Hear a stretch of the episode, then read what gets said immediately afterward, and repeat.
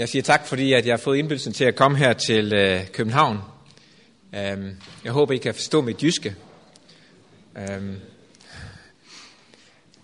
jeg må sige, at sidste gang jeg var her i København, så, og jeg troede sådan set, at det var den samme gruppe næsten, måske et par stykker mere. Øhm, men sidste gang jeg var her i København, så, så, så kunne vi være nede i det hjørne dernede, og øh, der var ikke nogen mikrofon, så jeg tænkte, det her det bliver bare sådan en venstrehåndsarbejder, der skal komme til København og så tale.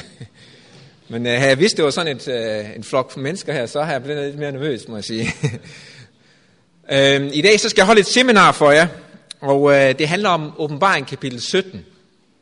Og jeg ved godt, at det kan virke sådan lidt tørt og kedeligt måske for nogle af jer. Øh, men jeg vil gerne sige, at jeg tror, at det er meget vigtigt at forstå Bibelens profetier, og forstå, at den her verden, den er snart afsluttet. Og jeg håber også, at det, det vil, I vil se det tydeligt og klart i dag, at, at det var ikke længe inden, at det hele det er forbi. Og jeg, jeg, jeg håber også, at, øh, at I vil blive inspireret i jeres daglige dag, ved at I tænker på enden. Egentlig så kan jeg allerbedst lige at holde gudstjenester om sådan nogle simple ting som bøn og bibelstudier og hvordan vi skal være over for hinanden. Men øh, når man så tager sådan noget med profetier frem, så, så tager man ligesom de store perspektiver frem. Men alligevel så tror jeg, at det at, at vide, at Jesus meget snart kommer igen, det er en utrolig opmuntring for os, som tror på ham. Så øh, jeg har taget en, power, en lille powerpoint med her, som jeg vil prøve at se, om jeg kan få til at virke. Dem, der ikke er i stand til at komme her i eftermiddag, I går glip af hele åbenbaring kapitel 17. Fordi at øh, det, jeg skal fortælle nu her, øh, til gudstjenesten, det er sådan set en, øh, en forudsætning for at kunne forstå åbenbaring 17. Man kan ikke bare lige springe ind i åbenbaring 17, medmindre at jeg er sikker på, at alle sammen de har hele baggrunden med.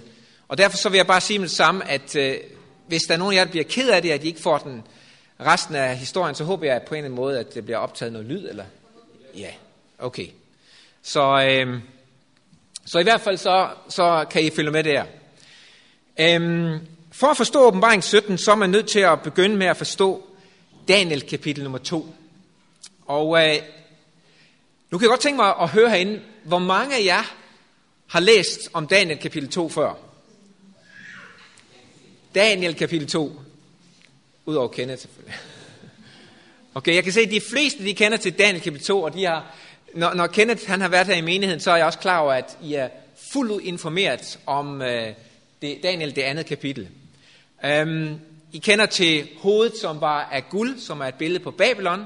Så kender I til bryst og arme, som er et billede på Medopersien. Og øh, bronzeriget, eller kovriget, som er et billede på Grækenland. Og så har I jernriget, som er et billede på det romerske rige. Det var en profeti, som blev givet tilbage i det 6. århundrede før Kristi fødsel. Og det gik i nøjagtig opfyldelse af alle de her fire verdensriger. Og så skulle man selvfølgelig forestille sig, at han skulle komme med et femte verdensrige. Men fordi at Daniel han var inspireret af Gud, så kom han med en forudsigelse øh, om et delt verdensrige. For det var netop sådan, det gik. Hele verden blev delt op i øh, små nationer, og øh, stat og kirke, øh, de blev ikke delt, men de blev klækket, klækket fuldstændig sammen, som, som er billedet på fødderne, halvt af jern og halvt af ler. Og øh, efter at man har så set den her billedstatue, så ser Daniel så der i et syn, at der kommer en sten udefra, og den her sten ødelægger hele billedstøtten, og dermed så går alle rigerne i stykker. Og øh, det er et billede på, at Jesus kommer igen, og så øh, starter han det nye verdensrige, kan man sige på en måde. Det her det er nøjagtigt gået opfyldelse, sådan som det er blevet forudsagt. Og vi er nu i det, man kalder det del Europa, og vi har været der i lang tid. Nogle de påstår, at de der 10 tæer, det er et billede på de 10 horn i Daniel kapitel 7 og så åbenbaring kapitel 17. Øhm, men øh, når vi så læser videre i Daniels bog, det 7. kapitel, så kan vi se, at der er endnu en profeti. Her kan I se et billede af de forskellige områder, de her forskellige verdensriger, de to. Jeg tog bare lige nogle billeder med, jeg ved ikke, om I kan bruge det til noget som helst. Men i Daniel kapitel 7, så har vi igen en profeti, som øh, fortæller om øh, verdensrigerne ned igennem tiden fra Daniels tid, og så hele vejen op til Jesu genkomst.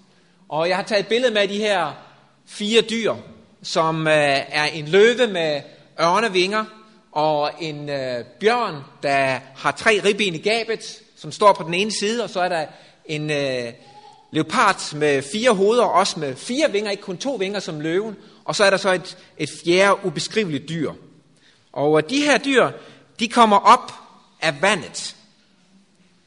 Og de her dyr, de repræsenterer nøjagtigt de samme fire verdensriger. Men i forhold til Daniel kapitel nummer 2, så får vi endnu flere informationer om de her verdensriger. Vi får for eksempel informationen om Babylons rige, at øh, det har ørnevinger, og det beskriver den her hastighed, hvormed at Babylon indtog hele øh, det her kæmpe område, som de fik. Plus at øh, der står også, at efterfølgende så stillede øh, løven sig på to ben som et menneske og fik et menneskehjerte. Og øh, vi tror på, at øh, det betyder, at, øh, at øh, lederen i Babylon, han blev omvendt og blev en sand kristen. Og vi tror endda på, at vi måske skal møde ham i Guds rige. Så der er en masse flere detaljer om Babylons rige her i Daniel kapitel 7 i forhold til Daniel kapitel nummer 2. Det andet rige, nemlig bjørnen, som er et billede på Babylon, får vi pludselig at vide, at den har tre ribben i gabet. Og øh, vi ved, at det er et billede på, at de tre områder, som øh, det medopersiske rige, de underlagde sig fuldstændig. Og at den ligesom stod på den ene side, det ser vi som et billede med, at øh, det var opdelt i Medien og Persien, og først så var det det ene rige, der var stærkere, og så senere hen, så var det perserne, der kom tilbage og fik fuld magt, øh, magtposition. Det, fjerde, det tredje rige, nemlig Grækenland, det øh, får vi at vide, at det bliver opdelt med fire hoveder, og det er de fire generaler, der overtager efter Alexander den Store. Og grund til, at det her, den her øh, leopard har fire vinger på sig, det er fordi, at det gik endnu hurtigere med at indtage hele det verdensrige, end hvad hedder det, øh, det babyloniske rige, det tog om at indtog hele verdensriget. Så øh, vi får masser af ekstra informationer, og selvfølgelig så kan jeg ikke gå i alle detaljerne her, men alligevel så kan vi se, at der er nogle få detaljer, der er vigtige at få med. Det fjerde rige, det er et ubeskriveligt rige. Og øh, det er rige, det tror vi på er et billede på det romerske rige. Og ud af det her rige, der kommer der så 10 horn, og der imellem de her 10 horn, så er der så et lille horn, der kommer frem. Er der nogen, der skal have... Så her kan vi se, hvordan at øh, Daniel 2 og Daniel 7, de passer fuldstændig sammen med de forskellige metaller og de forskellige dyr. Men jeg er godt klar over, at de fleste af jer, I kender til de her ting. Det, der er selvfølgelig interessant, det er, når vi nærmer den tid, som vi lever os i. Og øh, så har jeg så taget et billede af de her dyr med, men øh, vi springer hurtigt videre her. Her har vi bjørnen med ribben i gabet, og her har vi så den her leopard, eller hvad I vil kalde den, panter, eller hvad I nu vil kalde den, og øh, med de fire fuglevinger. Og så har vi så det fjerde dyr, og det er det fjerde dyr, som Daniel han spørger specielt om, at der ikke er nogen ekstra oplysninger omkring. Og så får han at vide, at det er der nogle specielle oplysninger omkring. Han spørger specielt om, hvad med det der 10 horn der, og så med det lille horn, der skød op imellem de 10 horn, og som gjorde, at de her 10 horn, de faldt af. Og så fik han at vide, at de 10 horn, det er et billede på 10 riger, som kommer ud af det her øh, romerske rige. Og det var også det, der skete efter, at Romeriet de stille og roligt faldt fra hinanden, så blev Europa opdelt i 10 øh, områder. Og så var der tre af disse områder, der skulle falde væk, for at give plads for et lille horn, der kommer frem. Og det her lille horn, det tror vi på er, er pavekirken. Og så må jeg lige spørge med det samme. Hvor mange herinde er af katolsk baggrund? okay. Er, er, er, er I stadigvæk katolikker? Nej, du er ikke Okay, er katolsk baggrund. Jeg, jeg også kommer også fra folkekirken. Og jeg vil sige med det samme, i dag så kommer jeg til at sige noget, øh, noget meget nedsættende om det, det, systemet med den katolske kirke. Og det er ikke fordi, jeg er antikatolsk øh, på nogen som helst måde. Jeg ikke kan lide katolikker. Men det er på grund af, at øh, Bibelen den forudsiger, at der skal komme et frafald inden for menigheden. Og Bibelen den beskriver at øh, en masse kendetegn på det her frafald, og vi tror på, at øh, det er den romersk-katolske kirke. Men så skal jeg sige med det samme. Jeg tror på, at der er flere mennesker, der bliver frelst ind i den katolske kirke, end for eksempel, der bliver frelst i adventkirken. Øh, og det er selvfølgelig, fordi der er mange flere katolikker, men øh, det er også, fordi der er meget, meget, meget oprigtige mennesker i den katolske kirke. Nogle af dem, der tager sin tro meget alvorligt, det er katolikker. Så, så jeg prøver ikke at sige noget negativt om katolikkerne som så, men jeg er nødt til at sige det, som Bibelen siger. at der skulle komme et frafald inden for kirken, og den, der opfylder alle kendetegnene på det frafald, det er desværre den romersk-katolske kirke. Og det var det der lille horn, der skulle skøde op der i mellem de 10 riger, og øh, så skulle det tale store ord, øh, og det skulle også fjerne tre af rigerne. Og øh, vi fik at vide, for os at vide, at det her lille horn skal have en maksperiode på 1260 dage. Og når man læser i profetier, så betyder en dag et almindeligt historisk år. Og der er flere, der har spurgt mig, hvorfor, hvorfor gør Gud det sådan her? Hvorfor kan han ikke bare sige år, når det gælder år, og dage, når det gælder dage? Hvor, hvorfor skal han gøre det så indviklet? Men jeg vil gerne prøve at hjælpe lidt med det. Er der nogen af jer, der har, nu ved jeg ikke, om I er så gamle, så I bruger øh, landkort? Min kone har stadigvæk en af dem, der elsker landkort, så når vi, når vi øh, kører til Tyskland eller et eller andet sted her, så skal hun altid købe et kort. Og øh, er der nogen af jer, der ved, øh, man får jo ikke et kort i en til en med Tyskland for eksempel. Så kan du ikke have det inde i bilen. Kan, kan I godt se det? Men derfor så står der nede i bunden sådan en linje, og på den her linje så står der, at 1 cm det tilsvarer så og så mange kilometer. Er I med på det? Og der er ingen, der ringer til de der, der udgiver de her landkort, og siger, hvorfor skal I altid gøre det sådan fra 1 cm til 1 km? Hvorfor kan I ikke bare have, at 1 km er 1 km på landkortet? Okay, kan, kan I godt følge mig? Og det er nøjagtigt det samme, som Gud kan lide at gøre med profetier. Så når han giver profetier i en symbolsk sammenhæng, så betyder en dag et år. Okay, hvis jeg nu siger en time, hvor meget er det så? Det er jo en 24. dele af et år, som er 360 dage, og det er 360 dage i profetisk tid, skal jeg lige sige mig sammen. Okay? Så en 24. del af 360, hvad giver det? Var han ikke hurtig, ham for? han vidste fra før, han, skal jeg lige sige mig sammen. Men øh, det giver 15 dage, okay? Og når der så står en halv time i Bibelen, så er det lidt over en uge. Og øh, der er flere andre steder i Bibelen, hvor vi har beskrevet profetisk tid, og hvor vi derfor kan se, at, øh, at det her det passer fuldstændig sammen. Så permagten fik magten i 538, og øh, magten blev taget i 1798. Og 1798 det er lidt nærmere Øh, en, fra, til os end 538, og derfor så vil jeg fortælle lidt mere om 1798. I 1798 så havde pavekirken mistet mere og mere magt, og en af dens største tilhængere, nemlig den franske, øh, det franske rige, de havde holdt fast ved den katolske tro, selvom mange andre af de omliggende lande, de, havde gået, de var gået over til reformationen. Øhm, men i 1700-tallet, der omkring øh, den franske revolution, der faldt de fuldstændig fra den katolske tro. Øh, og det endte med, at lige frem, at den, øh, den franske regering og den franske, det franske rige efter Napoleon, de forfulgte katolikkerne og gik specielt efter de lande, som var katolske. Så i 1798 så tog øh, Napoleons general Berthier til Rom, og I kan læse om det her på Wikipedia. Det er ufattelig interessant at se, hvordan at den katolske kirke, den, den virkede, som man faldt fuldstændig fra hinanden. Og øh, Berthier, han øh, fanger så øh, øh, paven og beder ham om at gå ombord i, en, øh, i sådan en, en hestevogn der, eller hvad det nu hedder. Og øh, så fører han ham væk til et fængsel, og øh, han dør faktisk, faktisk i fængsel. Det er, det, her, det er katolikkerne, hvordan de har beskrevet, øh, at han døde der kort tid efter. Og det er interessant, at øh, da det her det skete, så var alle sikre på, at nu var det slut med pavekirken. Der var ingen katolikker, der kom til undsætning. Tænk, her blev deres ledere taget til fange, og der var jo stadigvæk millioner på millioner af katolikker over hele verden.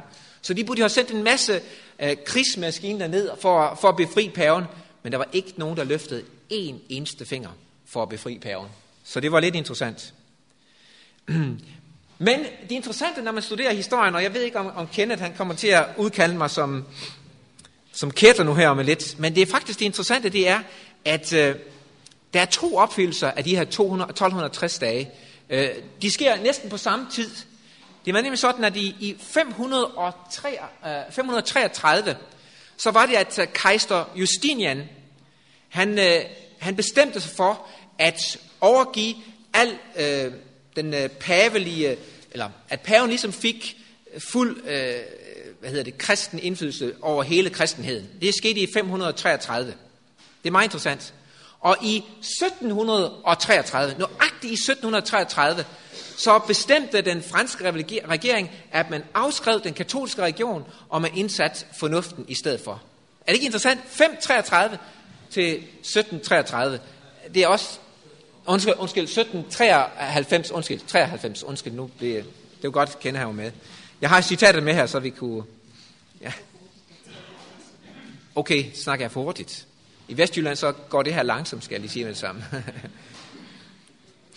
Okay, her har I et uh, citat på engelsk. Jeg skal nok lade være med at prøve at oversætte det, men her har det, det som jeg lige fortalte lige før, på engelsk.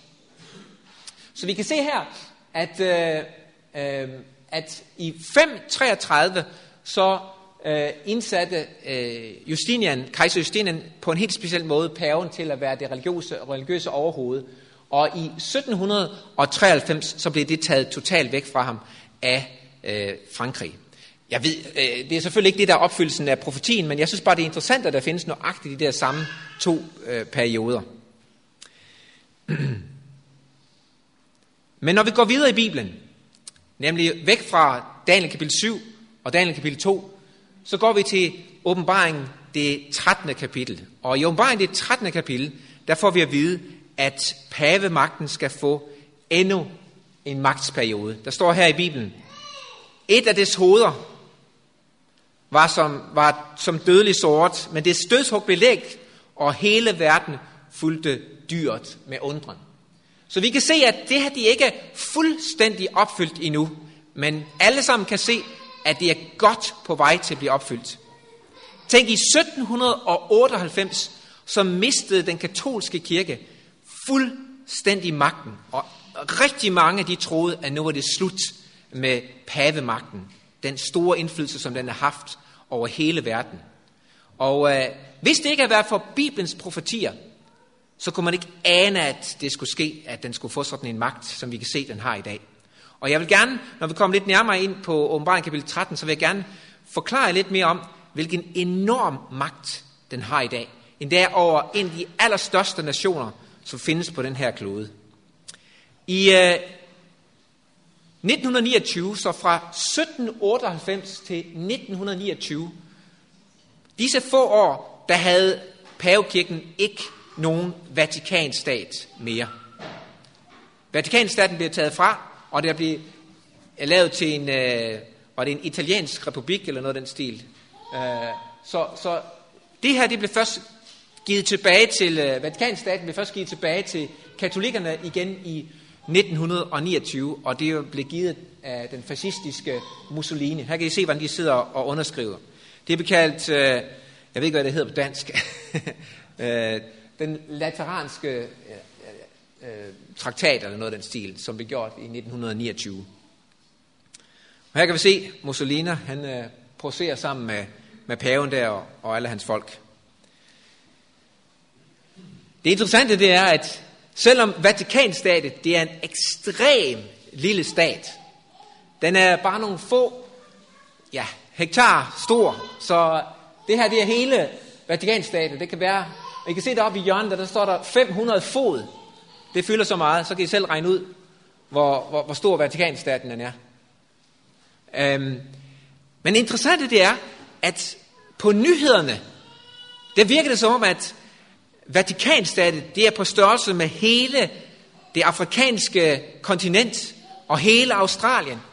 Fordi at det er i hvert fald sådan, at når man hører på verdensnyhederne, så, så hver eneste udtalelse, paven han kommer med, den kommer på nyhederne. Har I lagt mærke til det? Synes I ikke, det er interessant? Jeg synes, det er utrolig interessant. Hvorfor, hvorfor taler de ikke om, om den danske statsminister Løkke Rasmussen øh, i Amerika, hver eneste gang han, han, han taler med sin kone om et eller andet, så kommer det i, på CNN. Nu har Løkke Rasmussen, vi er jo langt, langt større, langt, langt større land end, end Vatikanstat. Jeg synes, det er interessant. Og det viser, hvilken enorm indflydelse de har i dag. Og må også komme med en anden interessant udtalelse. Er der nogen af jer, der har hørt om det her med, at, øh, at pavekirken er blevet dømt for, at mange af deres præster, de har misbrugt børn. Er nogen af jer, der har hørt om det? Det er nogen af jer, der har hørt om. Ja. Er I godt klar over, at man har undersøgelse i alle lande, og man har, man har anklager i samtlige katolske lande? Er, er I, var I også godt klar over det? Og der var et land, jeg mener, at det var et land som, øh, ja nu skal jeg passe på, hvad jeg siger, men jeg tror, det var Nordirland, at der var ikke et eneste sovn, hør godt efter, ikke et eneste sogn i hele Nordjylland, hvor der ikke var børn, der blev misbrugt. I Amerika, så var der så mange børn, der var blevet misbrugt, og det, det er sådan her, at når børn de bliver misbrugt, så mener man, at det er kun øh, en meget lille brøkdel af dem, som øh, er blevet misbrugt, som overhovedet går til øh, staten for at anklage. Så, så man, man regner med, ud fra det antal børn, som har gået til advokater for at anklage den katolske kirke, så regner man med, at op imod 500.000 børn i Amerika er blevet misbrugt af katolske præster. Det mener man. Det er, det er tallene, som man har. Lad os nu sige, at det kun var 50.000. Kan, kan, kan, er I med på det? At det, det, er, det er forskere, der, der, der mener, at det kan være helt op imod 500.000 børn, der er blevet misbrugt i Amerika.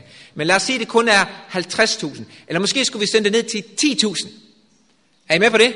Så vi siger, at det kun er 10.000 børn, der virkelig er blevet misbrugt af katolske præster i Nordamerika. Uh, lad os nu lige vende om og så tænke os, at det her, det var muslimer, der havde misbrugt 10.000 børn i Nordamerika. Og kan I forestille jer, at den ledende øh, muslimske imam fra Mellemøsten vil besøge sine muslimske venner i Amerika? Og der er mange muslimer i Amerika. Lad, lad os nu sige, at han tog over til Amerika, og han så øh, fik lov til at lande i Amerika, og han så øh, fik lov til at besøge dem. Tror jeg, han vil få lov til at tale til senatet i Amerika? Hvis øh, det lige for nylig var blevet bevist, uden nogen som helst tvivl, at 10.000 børn var blevet misbrugt af katolske, slutter, muslimske øh, imamer. Tror, tror I, det kunne være muligt? Det er helt utænkeligt, er det ikke det? Kan, det jeg gerne prøver at sige, hvad er det, der sker? Hvordan kan det være, at når paven han tager til Amerika, så bliver han modtaget som en superstar? Har, har I lagt mærke til det? Han er den mest populære person i hele Amerika. Og han får lov til at tale til senatet. Og får lov til at gøre ting, som ingen andre får lov til at gøre. Et land, hvor kirke og stat er totalt separeret. Der har paven en frihed, som vi aldrig nogensinde har set nogen anden religiøs leder få. Kan, kan I godt følge mig? Hvad tror I, der er sket? Må jeg, må, jeg, må jeg få nogle forslag? Hvad tror I, der er sket? Hvad er årsagen til, at pavekirken kan være så populær, når de har gjort noget, der er så upopulært? Er nogen, der har et forslag? Profetien siger det, ja. Okay, det er et godt forslag. Meget godt forslag. Ja. Han er ydmyg. Ja, ikke sandt? Her har vi en fantastisk leder, og så kører han derfra i en ydmyg Fiat. Har I set den der Fiat-mobil, han har, eller hvad det nu hedder, pavemobil? En meget, meget ydmyg bil, han kører i. Ikke sandt? Det, det, det var et godt, godt argument. Hvad? Er der andre forslag? Så hvis en imam, han vil komme kørende i en lille Fiat og se ydmyg ud, så tror I på, at øh, de vil modtage ham, selvom det er bevist, at 10.000 børn var blevet misbrugt i Nordamerika af andre imamer. Okay. Må jeg stille et spørgsmål? Kan det tænkes, at pavekirken har haft øh, pengepunkten frem og bestukket sig. Kan, kan det tænke sig? Er der noget med, at, at Bibelens profetier siger, at alle konger og alle købmænd og alle mulige andre, de bliver stinkende rige på grund af den katolske kirke? Er, er, er der noget, der står, står der noget om det i, i Bibelen? Det gør der. Altså, prøv at høre her, folkens. I må bare vide, det er derfor, vi ikke kan altid gå efter det, der kommer på nyhederne. Vi er nødt til at tænke en lille smule selv. Vi er nødt til at have Bibelens profetier sammen med det, vi hører på nyhederne. Okay, her har vi et andet lille billede af, af Vatikanstaten. Så det, her har I total oversigt over hele Vatikanstaten. I åbenbaringen kapitel 13, så bliver den romersk-katolske kirke beskrevet billigt som et dyr, der har syv hoveder og ti horn. Og faktisk talt så er den romersk-katolske kirke kun et af de syv hoveder. Det skal jeg komme tilbage til her i eftermiddag. Men øh, der står, at den her, det her dyr, det stiger op af havet, og det er fuld af Guds bespottelige navne. Lad os prøve at læse det, der står i Bibelen. Og jeg så et dyr stige op af havet. Det havde ti horn og syv hoveder, og på sine horn ti kroner, og på sine hoveder Guds bespottelige navne. Det dyr, jeg så, lignede en panter. Dets fødder var som en bjørns, og dets mund som en løves mund. Og dragen gav det sin magt og sin trone og stor styrke. Så her har vi de fire dyr omtalt, som vi så i Daniel kapitel 7. Løven, bjørnen, panteren og det ubeskrivelige dyr, eller dragen. Okay? Så vi kan se, at pavekirken har fået magten efter de her fire dyr. Og så får vi at vide, at et af dets hoveder skal blive sort. Og vi tror på, at det er en forudsigelse om, at det, der skulle ske der i 1798, nemlig at pavekirken skulle miste sin magt. Men så står der også her, at på et tidspunkt, så skal pavekirken få magten tilbage, og til sidst, så skal hele verden vandre undrende efter dyret. Og det er ikke sket endnu. Fordi der er stadigvæk muslimer, hinduister, buddhister og alle mulige andre, som ikke vandrer undrende efter dyret. Det er først, når alle på hele verden, de vandrer efter en lov, som pavekirken har indført. Så vi tror på, at det her det først går fuldt ud i opfyldelse, når det vi kalder en global søndagslov, det bliver indført. Først så bliver der indført en søndagslov i Amerika, senere hen så bliver der indført en søndagslov globalt. Og vi tror, at det er først, når den globale søndagslov den bliver indført, at pavekirkens anden magtsperiode, den virkelig går i opfyldelse. Er vi enige om det? Så langt? Okay. Men I er godt klar over, at for at pavekirken skal få den her magt, så er den nødt til at alliere sig med nogen. Og øh, den kommer til at alliere sig med et lam lignende dyr. Er nogen af jer, der har set sådan en bisonokse her? I levende live? Det har du set, ja. Okay, og en til her. Okay. Er det ikke rigtigt, de ser meget hyggelige ud, sådan nogle bisonokser? Og det er sådan, når man kører forbi de her bisonokser, så får man lyst til at stige ud af bilen og gå hen og klappe den lidt. Men jeg vil bare anbefale jer ikke at gøre det. Jeg vil bare anbefale jer ikke at gøre det. Og I kan godt se, at den har sådan to lamlignende øh, horn, netop som det andet dyr, som skulle komme op af jorden der i åbenbaring det 13. kapitel. Og øh, det tror vi på er et billede på USA. Og den her bisonokse, eller hvad du nu vil kalde den, det her lamlignende dyr, det skal øh, alliere sig sammen med den romerske katolske kirke. Og det her det er med småt skrift, så jeg ved ikke, om I kan læse det. Jeg tænkte på, at jeg skulle sætte det på to lysspil. Det kan jeg se, det skulle jeg have gjort. så øh, jeg, kan, jeg kan bede Kenneth, vil du godt læse det? ja.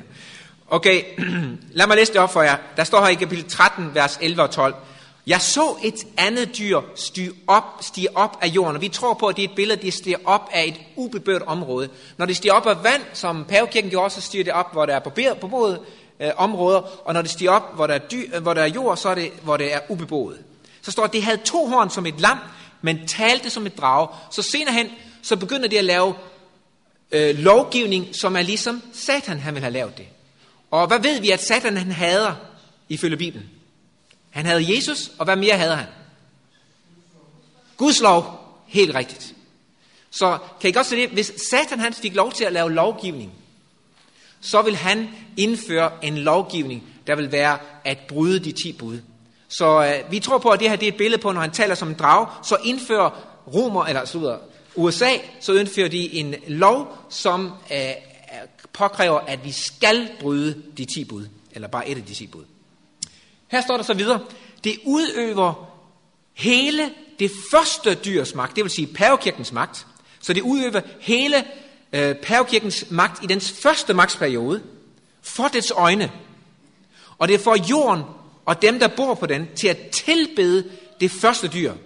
Det hvis banesår bliver lægt. Her får vi at vide, at Amerika, de skal have lige så stor magt, som pavekirken havde, da pavekirken havde allerstørst magt over hele Europa i den mørke middelalder. Kan, kan alle sammen godt se det ud fra den tekst? Og det betyder, at det, den magt skal de have efter, at pavekirken er ved at få sit banesår eller dødssår lægt. Kan alle sammen godt se det? Så det er den anden magtsperiode. Må jeg stille et spørgsmål? Har Amerika samme magt i dag, som pavekirken havde, da pavekirken havde allermest magt i den mørke middelalder? Har Amerika så meget magt i dag? Jeg, jeg, jeg, jeg, du, du siger nej, okay. Så der er I ikke helt enige med mig. Okay? er det sådan, at for eksempel, at øh, hvis Amerika ikke kan lide et rige, kan de så gå ind og finde et påskud på at besætte et rige, og så afsætte regeringen? Det er den magt, som pavekirken havde i den mørke middelalder. Okay? Kan Amerika gøre det? Hvis for eksempel amerikanerne ikke kunne lide Lars Løkke Rasmussen mere, og han kunne bedre lide en eller anden politiker, vil det så være muligt for amerikanerne på en eller anden måde at få afsat Lars Løkke Rasmussen? Tror I, det er muligt?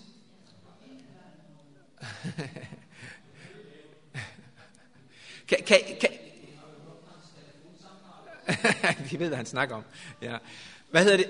Kan I godt se, at ifølge Bibelen, så har Amerika faktisk den samme magt, som pavekirken havde, da de havde allermest magt i den mørke middelalder. Og derfor kan vi se, at der er ingen tvivl om, at vi er op i den aller sidste øh, tid af verdenshistorien. Og vi er lige før, at vi ser, at øh, pavekirken træder ind på scenen som den helt store hersker.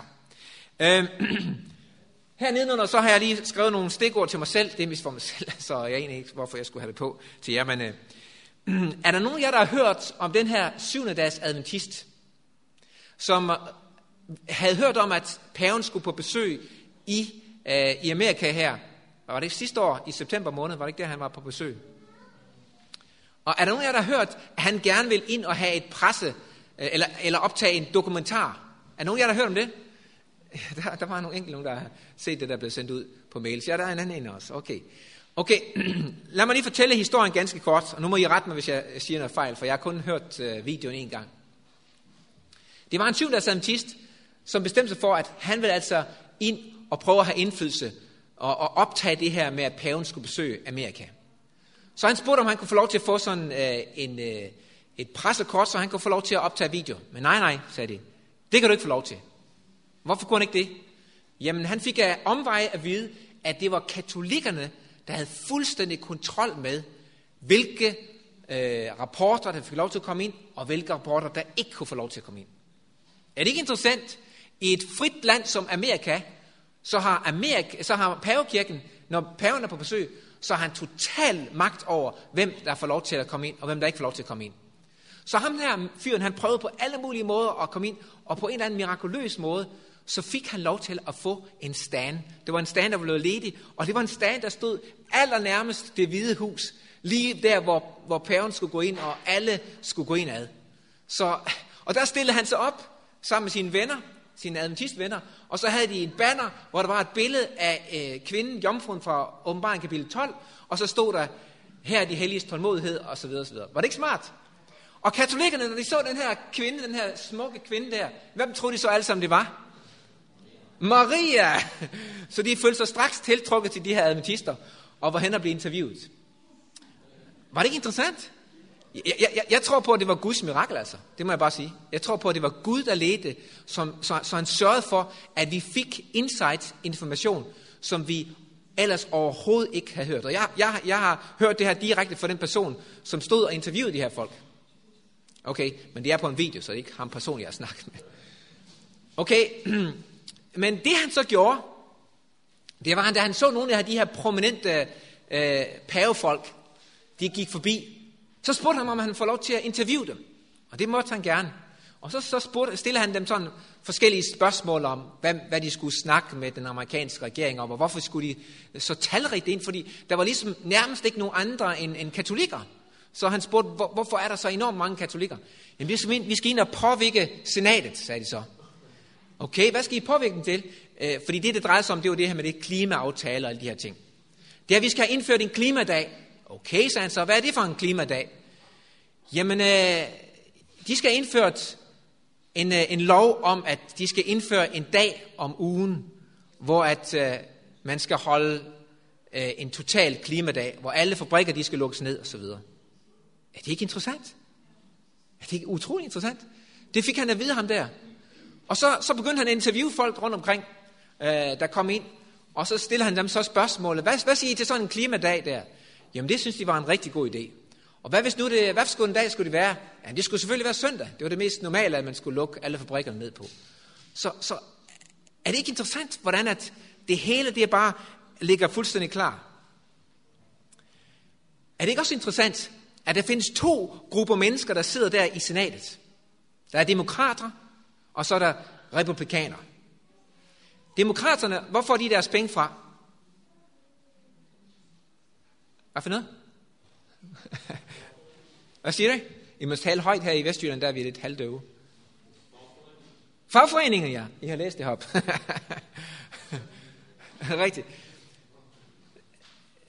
Demokraterne, de får deres fleste valgpenge, det får vi fra fagforeningerne. Og derfor er det så vigtigt for de her demokrater, at fagforeningerne, de er lykkelige og glade. Tror I, de kan få fagforeningerne med på sådan en uh, miljødag der en gang om ugen, hvor alle fabrikker, de skal være lukket, og alle forretninger, de skal være lukket, og det er sikret arbejderne, at man har fri. Tror I, de kan få det med? Jeg kan sige, at det interessant er, at nu, jeg skulle tage det citat med, det har jeg faktisk tænkt mig at gøre, men det glemte jeg. Men uh, sådan er det. Ellen White, hun så i et syn, at det var nøjagtigt fagforeningerne, som ville påkræve, som pavekirken ville bruge til at, at få det her indført, det her med søndagsloven. Er det ikke interessant? Så er der en anden gruppe i øh, regeringen, eller i, i, ja, i øh, parlamentet derovre. Det er, at der er republikanere. Og de her republikanere, de er selvfølgelig ikke så populære hos fagforeningerne. Men de er populære hos de evangeliske kristne, og specielt hos den romersk-katolske kirke. Og øh, tror I, de kan få dem til at indføre en øh, miljødag, for eksempel søndag?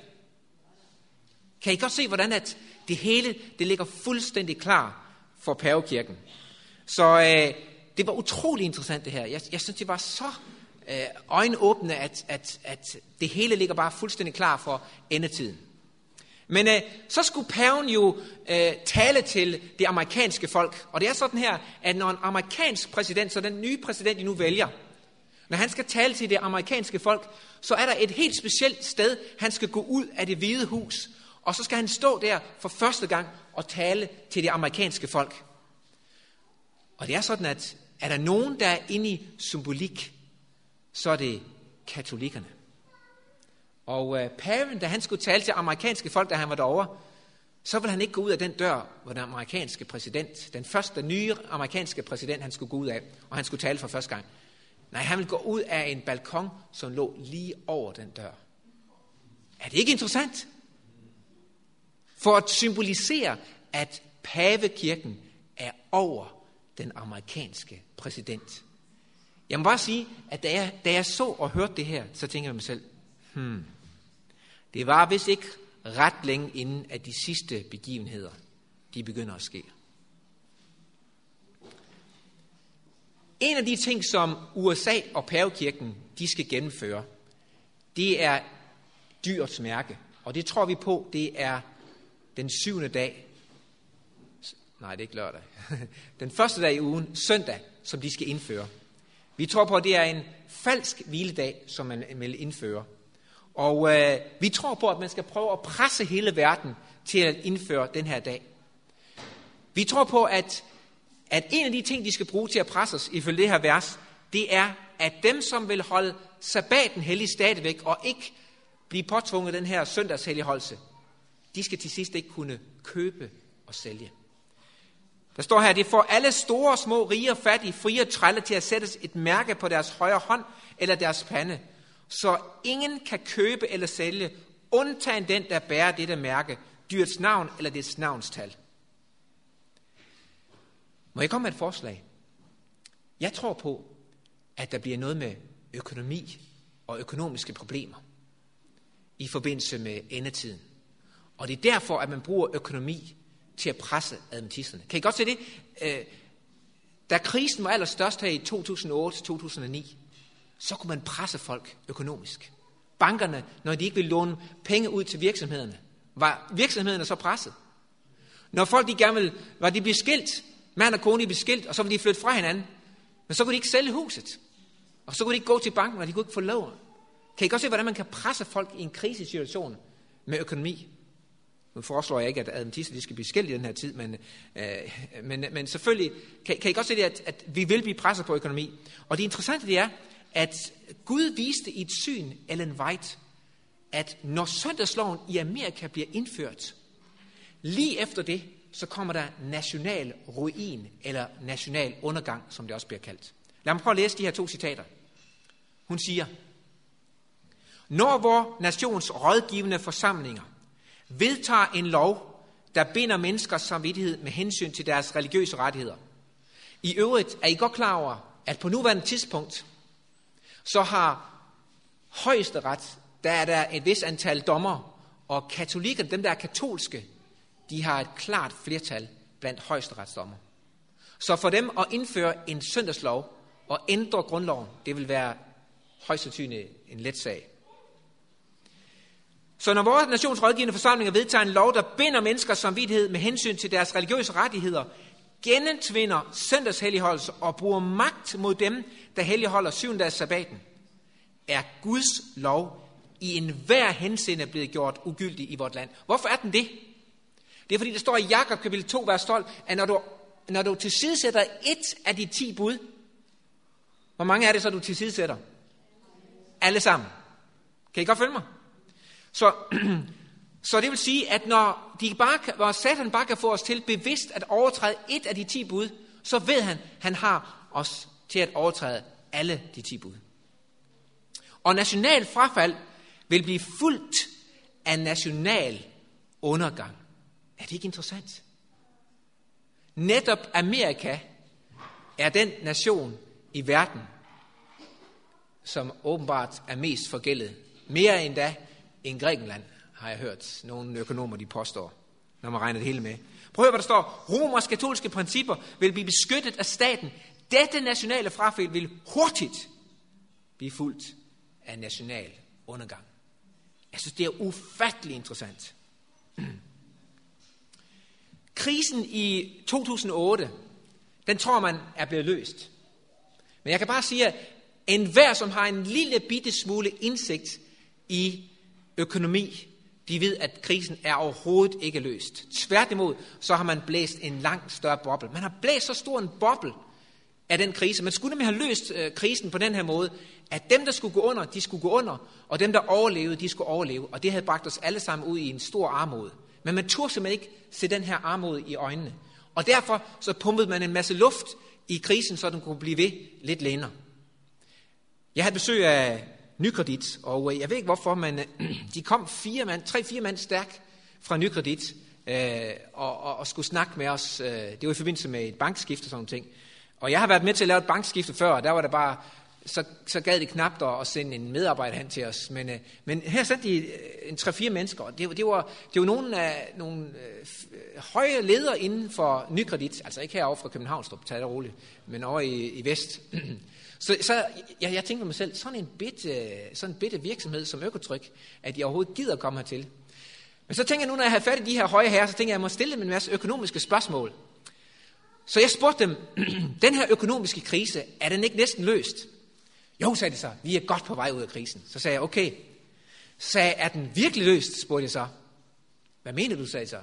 Jamen, er det sådan, at, at, øh, at, at, øh, at den ikke kan komme tilbage igen? Jo, jo, den kan komme tilbage på fuld gris. Uh, jeg ved godt, at, at, at de har kun blæst mere luft i boblen. så har de jo ikke løst krisen, sagde jeg så. Nej, nej, nej, nej, nej. De sagde, at alle økonomiske love, de er blevet ophævet. Amerika, de har trygt og trygt og trygt så mange penge. Og det er normalt, at når man trykker så mange penge, som Amerika de gør, så skulle den amerikanske dollar dollar fuldstændig miste al værdi. Men har I set, hvad der er sket med den amerikanske dollar? Er der nogen, der ved det? Den er steget siden krisen begyndte fra omkring 5 kroner, nu er den helt nærmest op mod 7 kroner, og på et tidspunkt var det lidt over 7 kroner. Det, det, er jo, det er helt uhørt. De sagde, at de har aldrig været udsat for noget lignende. De aner ikke deres læneråd, hvordan de skal vejlede folk rent økonomisk. Så sagde jeg, når I vejleder folk, fortæller I så folk, at øh, krisen den er løst? Ja, det gør vi. Så, Så sagde jeg, så kan man jo ikke stole på jer, for I har lige sagt, at den ikke er løst. Ah, det vidste ikke rigtigt, hvad de skulle svare på. Jeg, jeg, jeg siger det her, fordi at jeg ønsker, at I skal vide, at vi står over for en økonomisk krise, som simpelthen er så stor, som det aldrig nogensinde har set før i verdenshistorien. Det, der skete i 30'erne, det kommer til at blive vand i forhold til det, som kommer til at ske, når den her kæmpe boble, den springer. Og hvis der er nogen herinde, der har lidt økonomisk indsigt, så skal I gå til dem og så spørge om det, jeg siger, det ikke er sandt. Okay, samtidig med det her, at de, de skaber den her enorme, øh, hvad hedder det, øh, krise her, så ser vi, at pavemagten, den øger i styrke og indflydelse på en måde, som vi aldrig nogensinde har set før i verdenshistorien. Er det ikke interessant? Og vi ser, at USA, de tillader, at paven han går ud af balkongen, der ligger oven for den dør, hvor den amerikanske præsident han skal gå ud af, når han taler første gang til det amerikanske folk. Er det ikke interessant? Det viser, at de underlægger sig pavekirken. Er det ikke interessant? Ja, jeg, vil, jeg vil også sige, at, at hvis man ikke kan se, at det her det er interessant, ja, så har man brug for at tage nogle vitaminpiller eller et eller andet. Ved I godt, at, at Amerika, de har sådan et gældsur. Er der nogen af jer, der, der, der følger med på det her gældsur en gang imellem? De har sådan en gældsklokke. Hvis, hvis I går ind på og googler, så siger American Debt Clock, så kan I gå ind og google det. Og så kommer der sådan en, en klokke frem, der står, og du kan se, det, det tigger med så og så mange millioner dollars, at den amerikanske eh, regering at kommer i højere gæld hver eneste sekund. Hver eneste sekund. Og, og, og det er interessant at se, at der er sådan en masse andre klokker, man kan se på. Men den, der går allerhurtigst, det er den der gæld, som den amerikanske regering de tager på sig. Uh, må jeg stille et spørgsmål? Lad os nu sige, at øh, jeg var en lille virksomhed, og jeg havde en omsætning på 1 million kroner. Og så jeg vil gå hen til banken, og så vil jeg gerne låne øh, 20 millioner kroner. Og jeg havde underskud hver evig eneste år, og jeg skulle låne flere og flere penge hver eneste år. Tror I så, banken vil låne mig 20 millioner kroner? Er det ikke interessant? Hvorfor vil de låne amerikanerne så mange milliarder? 20.000 milliarder dollars er de i gæld. De er ikke engang i stand til at betale renterne, har jeg hørt. Hvorfor, hvorfor vil man, øh, ved godt, det her 20.000 milliarder dollars, de overstiger hele den indkomst, hele, alle amerikanere, de har på et eneste år. Er I godt klar så, så, så mange penge skylder de væk. Så, så de er i en håbløs situation. Jeg håber alle sammen godt kan se, at det vi nærmer os, det er det her. Kan alle sammen godt se det? Vi nærmer os Jesu genkomst med raske skridt. Så at du har valgt at komme her i adventmenigheden, som er en af de menigheder, der tror på, at Jesus kommer allerhurtigst igen, tror jeg på personligt. Jeg kan også sige, at det er en meget intelligent beslutning. Og hvis du er her for første gang, så vil jeg anbefale dig, at du bliver her hver eneste lørdag fremover. For det er en meget intelligent beslutning. Og sørg for at være klar til, at det her det sker. Ved godt, at de eneste, der har en god løsning på det her, på alle de her problemer, vi har på den her verden, i den her verden. I ved godt, vi er blevet 7 milliarder mennesker. Og man, man, man ved simpelthen ikke, hvordan at på sigt, hvis, det, hvis de fortsætter med at vokse i den hastighed, vi gør, hvordan vi skal så skaffe mad til os alle sammen. Og samtidig så kan vi se, at energikilderne de forsvinder lidt væk. Kan I godt se, at der er så mange store problemer her i verden. Jeg snakker med de her bankfolk, og jeg spurgte dem, hvad, hvad har I af løsning på alt det her? Jamen, de havde ikke nogen løsning. Så, så sagde jeg, hvad gør I så? Jamen, øh, de gjorde sådan her.